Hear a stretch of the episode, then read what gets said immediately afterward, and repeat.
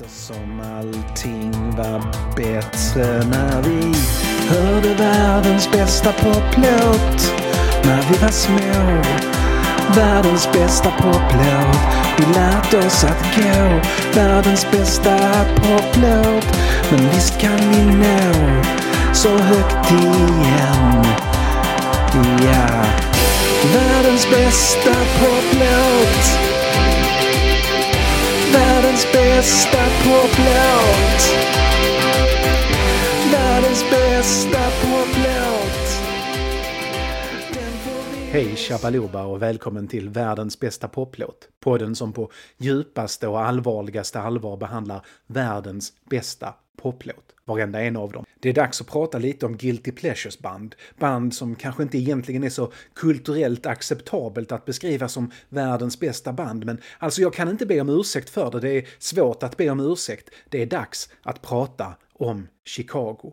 Om ni lämnar mig nu tar ni bort den största delen av mig, men det är risker som man som seriöst podcaster måste ta. Chicago är ett band som ens generation avgör hur man ser på det. För oss som är födda på 60 och 70-talet är Chicago antagligen mest förknippade med smördrypande kärleksballader skrivna av sångaren Peter Cetera tillsammans med producenten David Foster, eller poppiga poplåtar skrivna av sångaren Peter Cetera tillsammans med producenten David Foster. För personer födda på 80-talet eller senare är Chicago antagligen mest förknippat med ingenting alls. Men för de som är äldre är Chicago det där jazzrockbandet med tre mässingsblåsare som gav dem ett tämligen unikt sound.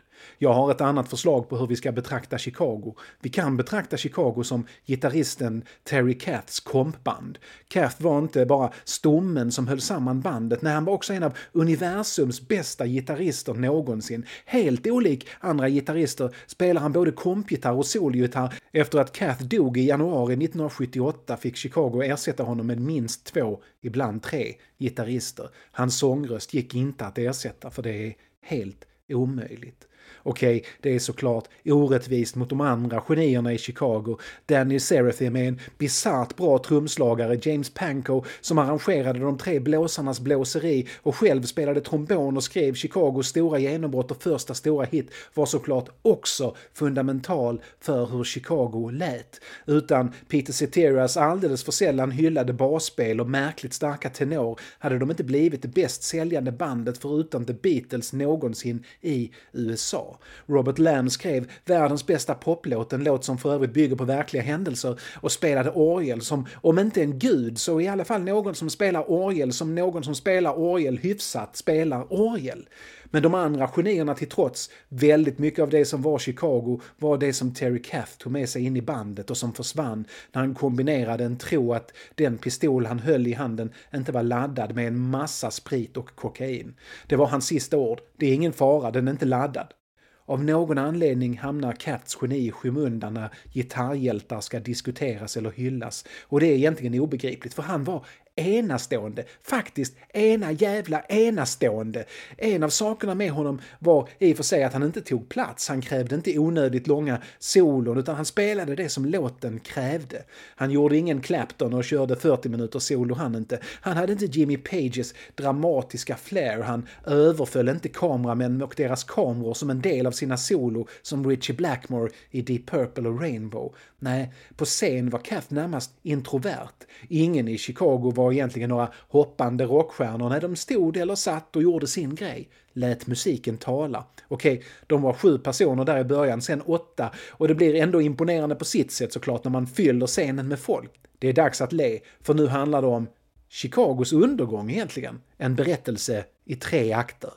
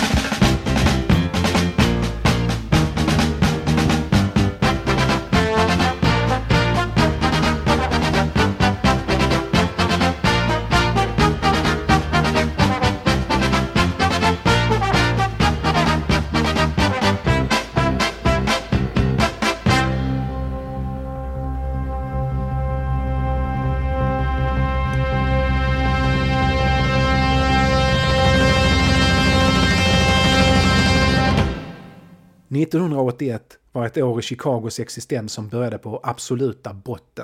De hade gjort tre, inte helt värdelösa, men nästan, skivor som sålde mer än ingenting, men bara nästan, efter att Terry Kath skjutit sig själv i huvudet och fått så till den milda grad sparken av sitt skivbolag att det betalade bandet massor med miljoner bara för att slippa ge ut en enda skiva till med dem.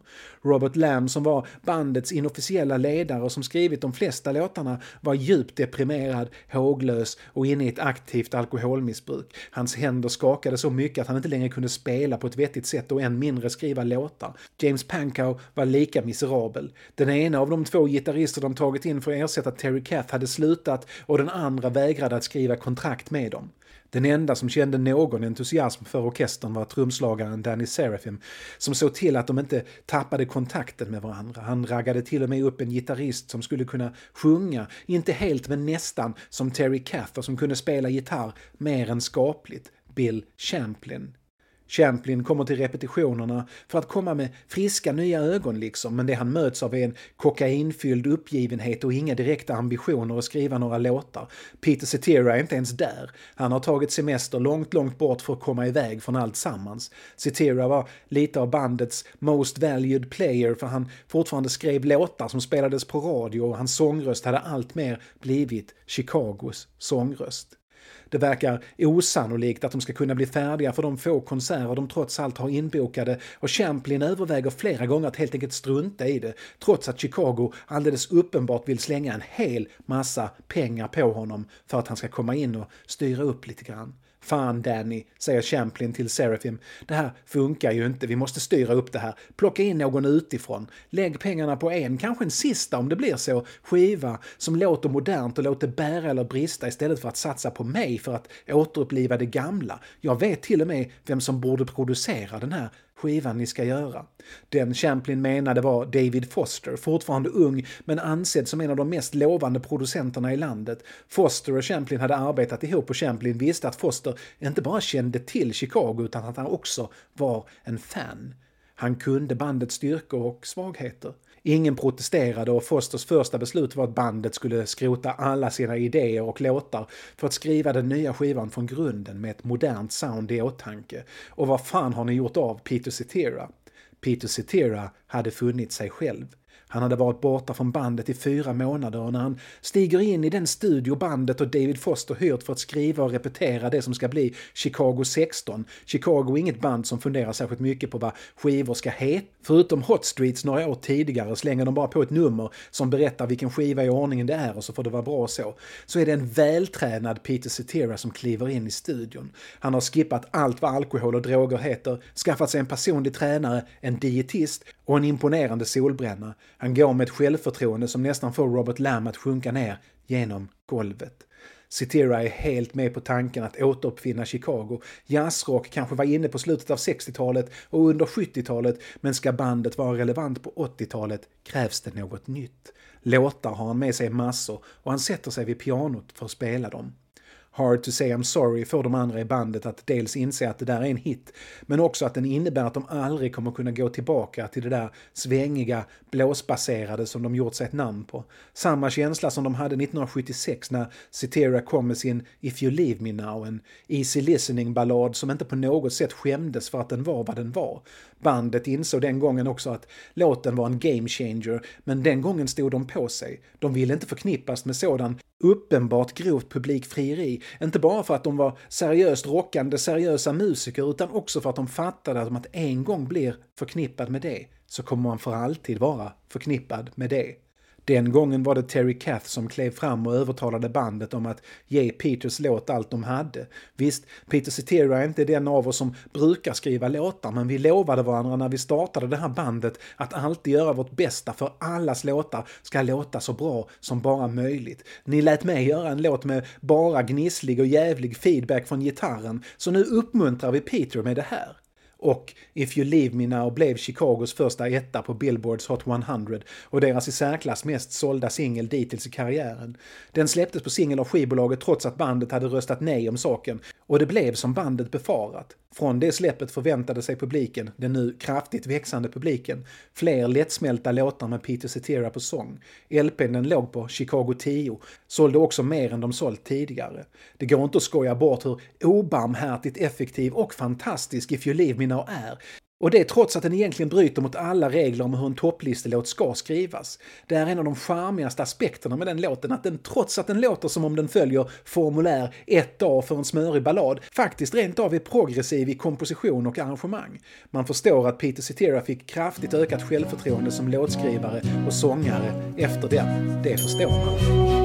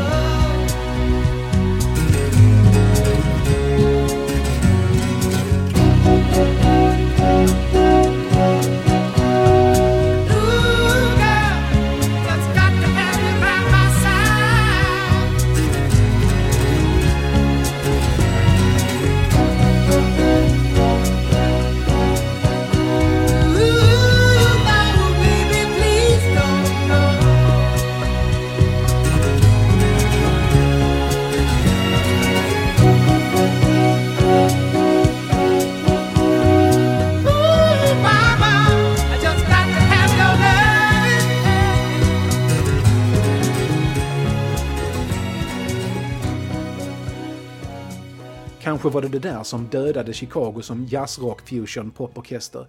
Kanske var det inte Terry Kaths död två år senare som kastade ner Chicago i balladernas osvängiga träsk.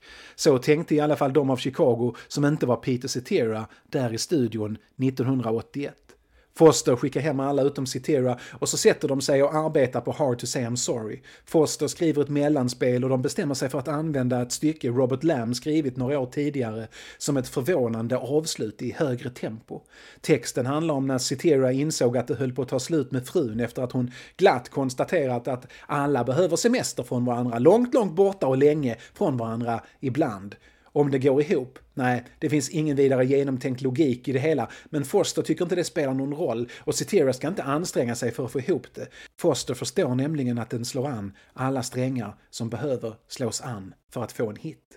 När de ska spela in den testar de att göra som Chicago alltid gjort, i alla fall på de senaste åtta skivorna. Det vill säga att först så spelar man in trummor och bas i lugn och ro, sen får de andra i bandet komma och göra sina prylar. Foster föredrog också att arbeta så, så det var bara Cetera, Seraphim och Foster i studion. Men Foster tycker inte de får till rätt tyngd i rytmsektionen, vilket förvånar Foster eftersom han, som en av Chicagos fans, alltid tyckte att det var just Seraphims trummor och Ceteras bas som liksom var hemligheten. Ja, han fattade att blåset och Kaths gitarr var de tyngst säljande argumenten, men det där svänget kom från trummorna och basen. Och nu får Cetera inte till det. Kan du inte testa att spela så här? föreslår Foster och demonstrerar på en syntbas hur man skulle kunna göra. Cetera är tyst en stund. Sen nickar han. Vet du vad Foster? Jag tänker inte spela någon jävla bas på den här skivan. Det ska du göra, på den där maskinen. Och han pekar på syntbasen. Trots att både Danny Serafim och David Foster protesterar i början så blir det som Cetera bestämt. Foster fyller ljudbilden med en massiv mjuk bas som inte på ett enda sätt låter som om den kommer från en äkta basgitarr. Faktum är att hela låten andas syntar och maskiner. Modernt alltså! Serafim spelar till ett clicktrack för att trummorna ska låta som en trummaskin och resten av bandet får ledigt under inspelningarna eftersom Foster tror att kompisarna i bandet Toto skulle passa bättre på låten än vad Chicago skulle passa. Det kanske inte är det bästa för moralen i ett band direkt, men för låten är det genialt. Inte minst är Steve Lukather's gitarr precis rätt gitarr på rätt plats. Där Chicagos andra gitarrister försökte, försöker fortfarande, efterlikna Terry Kath spelar Lukather som Lukather. Och det är såklart helt briljant för han är ett virtuost geni och har varit det sedan minst den där gången David Foster hämtade honom från hans high school för att spela på Alice Coopers From the Inside 1978. Så det står Chicago på skivan, men på Hard to say I'm sorry borde det kanske stått Toto featuring Peter Cetera and Danny Seraphim. Låten blir i alla fall deras comeback. Chicago 16 säljer orimligt mycket och den gör bandet till mångmiljonärer eftersom de spelar in den och ger ut den själva. Chicago 17 blir en ännu större succé och ännu mer präglad av låtar skrivna av Cetera och Foster. You're the Inspiration är fortfarande spelad någonstans i världen på radio vid varje givet tillfälle som finns och den blev Chicagos utan konkurrens mest inkomstbringande låt. Men efter Chicago 17 får Chicago nog av att Peter Cetera får all uppmärksamhet och han får sparken från bandet efter att alla utom Danny Serafim röstat för att den där Peter Cetera bidrar nog egentligen inte till någonting och är i själva verket ganska värdelöst. Bitterheten sitter kvar när bandet blev invalda i Rock'n'Roll Hall of Fame för några år sedan talades det om en återförening och Peter Cetera var helt med på det. Allt hade varit förlåtligt om man bara fick en enda liten, endaste liten ursäkt, men nej, det fick han inte. Han var välkommen på scen, precis som Danny Serafim och Bill Champlin. De hade också blivit avskedade på grund av sina respektive värdelösheter, men någon ursäkt skulle han inte få. Det är, som någon klok människa diktade, hard to say I'm sorry.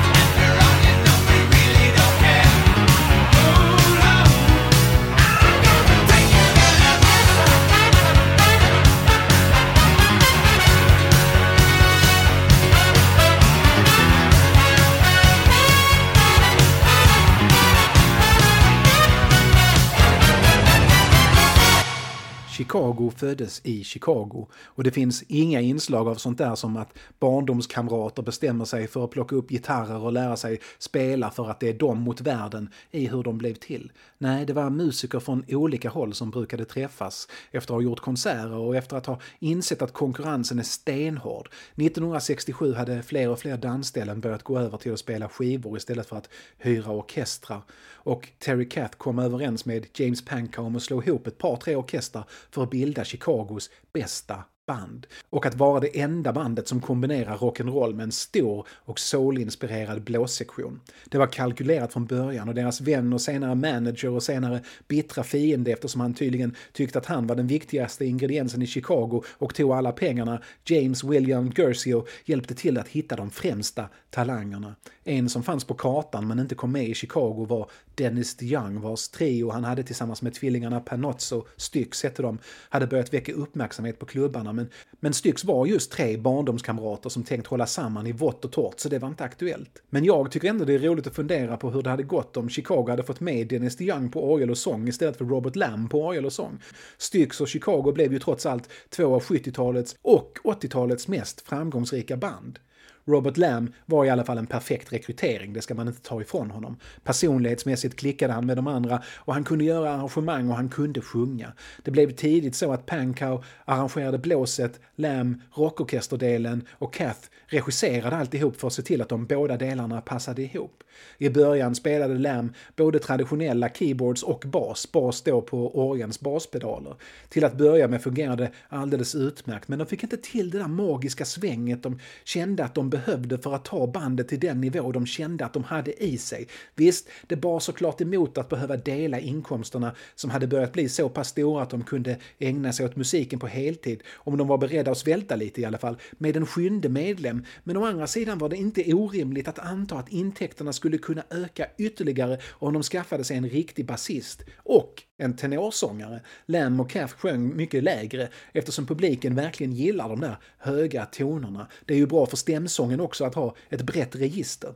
Gersio börjar fråga runt. Vem är den bästa basisten i Chicago? Vem är den bästa tenoren i Chicago? Nästan alla svarar samma sak på båda frågorna. Peter Cetera.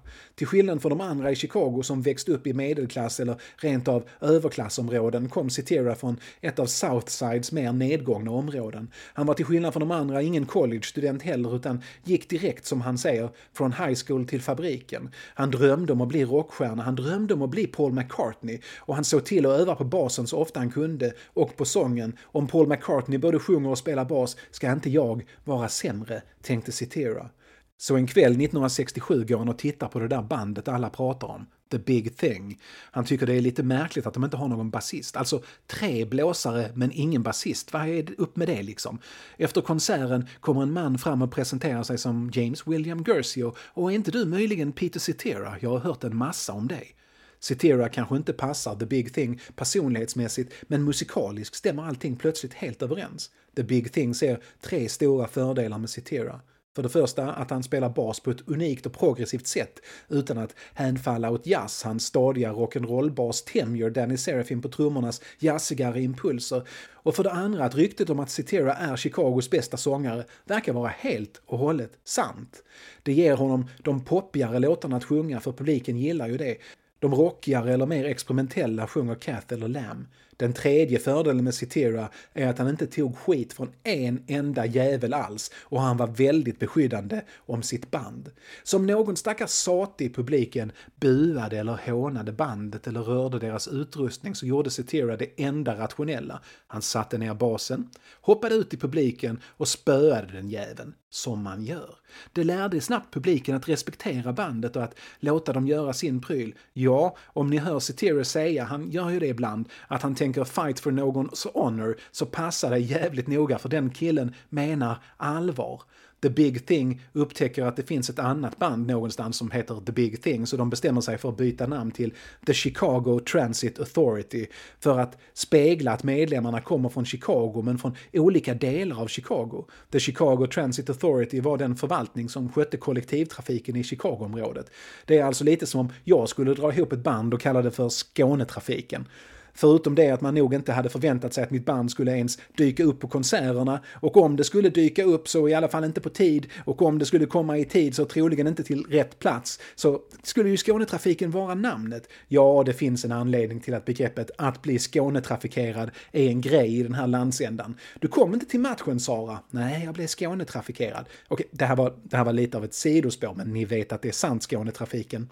Anledningen till att Peter Cetera sjunger som han gör, nästan sammanbitet och väldigt kraftfullt, är att han en gång råkade ut för en snubbe som slog tillbaks när Cetera i all välmening pedagogiskt skulle spöa skiten ur honom. Han bröt Ceteras käke på tre ställen och Cetera fick sjunga med underkäken fastsurrad vid överkäken i sex månader. Så kan det gå. En låt mer än alla andra visar hur fantastisk Chicago, de förkortade sitt namn på grund av att det riktiga Chicago Transit Authority surade, är Robert Lambs Dialogue. Till formen en dialog mellan Terry Kath som spelar arbetarklassen och Peter Cetera som representerar den college-studerande medelklassen som får stå till svars för att den inte förändrar världen med hjälp av den utbildning de faktiskt skaffar sig. Blåsarrangemanget är superbt och Seraphims trummor är precis rätt slag på rätt plats. Men det mest slående är att det inte bara är Kath och Citeras röster som för en dialog, nej, det är Kaths gitarr och Citeras bas också. Kath gör en grej på gitarren och Citera svarar med basen. Dessutom ökar komplexiteten i basen. Den börjar enkelt och rakt, men för varje insikt Citeras rollfigur får, från att i början mest ha haft ambitionen att använda collegeåren till att hålla en jämn cannabispåverkansnivå till att faktiskt göra revolution tillsammans med folket i fabrikerna, blir basen mer avancerad. Det här är otroligt.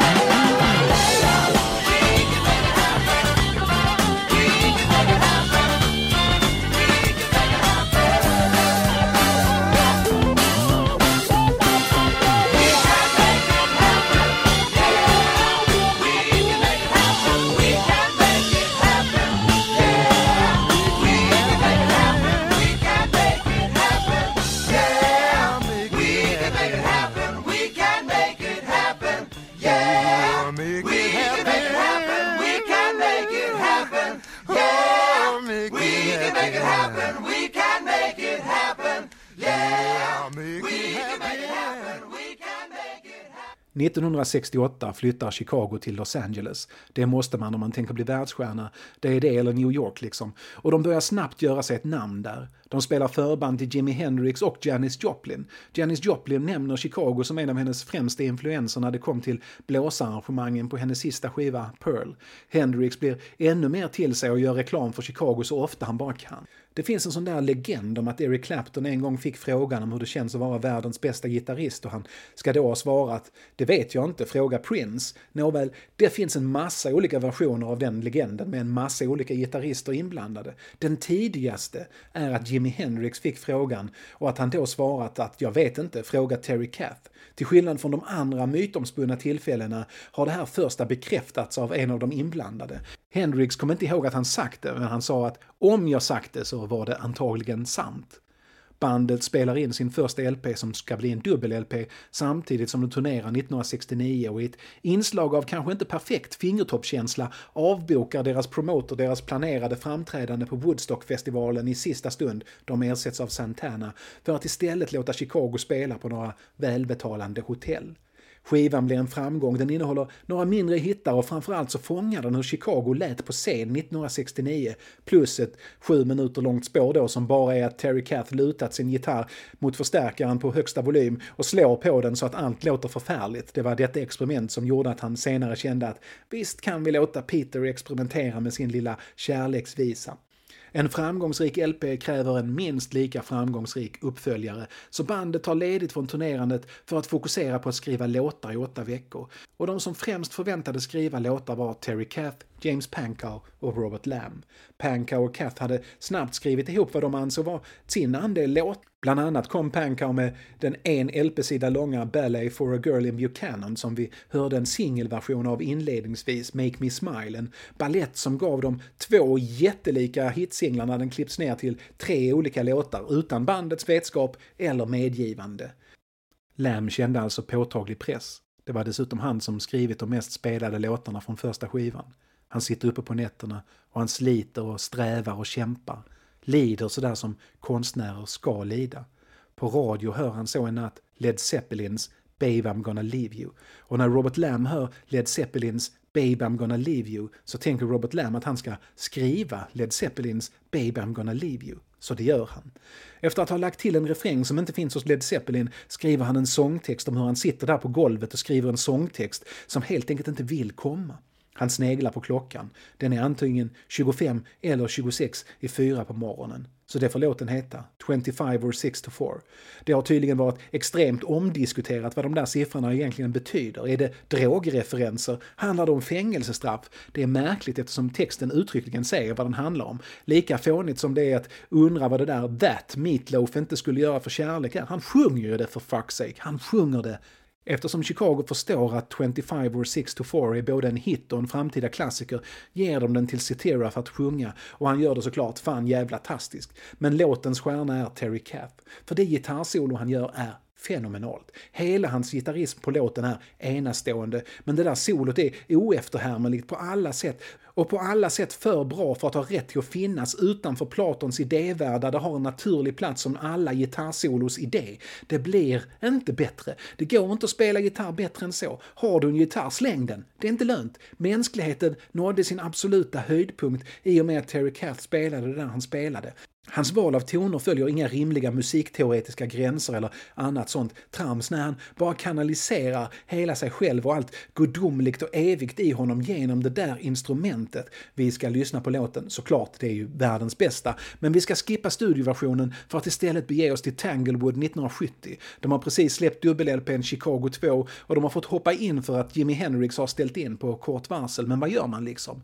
Bandet är så pass bra att de ändå låter som på skivan, fast de ger varandra lite mer utrymme. Peter Cetera hade en förmåga att vara lika tonsäker live som i studion. Han behövde sällan sjunga samma sak två gånger när de spelar in. Terry Caff får 16 extra takter solo och det han gör med dessa 16 extra takter är inget mindre än exakt så bra det kan bli med gitarr. Är ni beredda ungdomar? Nu kör vi!